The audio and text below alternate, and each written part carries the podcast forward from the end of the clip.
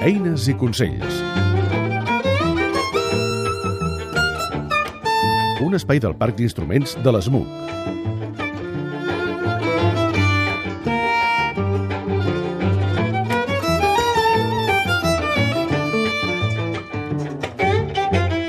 Aquesta setmana us vull parlar dels viatges amb els instruments musicals, concretament amb els instruments de corda.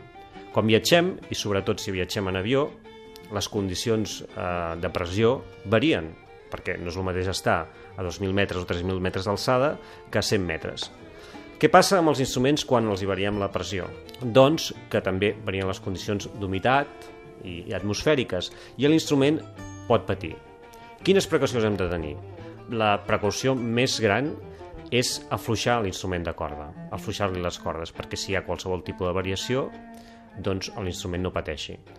Podríem arribar a trencar un instrument si les condicions aquestes climàtiques varien bruscament al pujar i baixar d'una alçada molt, molt gran.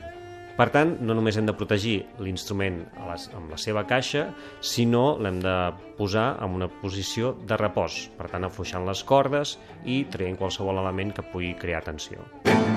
Eines i consells és un espai realitzat amb la col·laboració de l'ESMUC, Escola Superior de Música de Catalunya.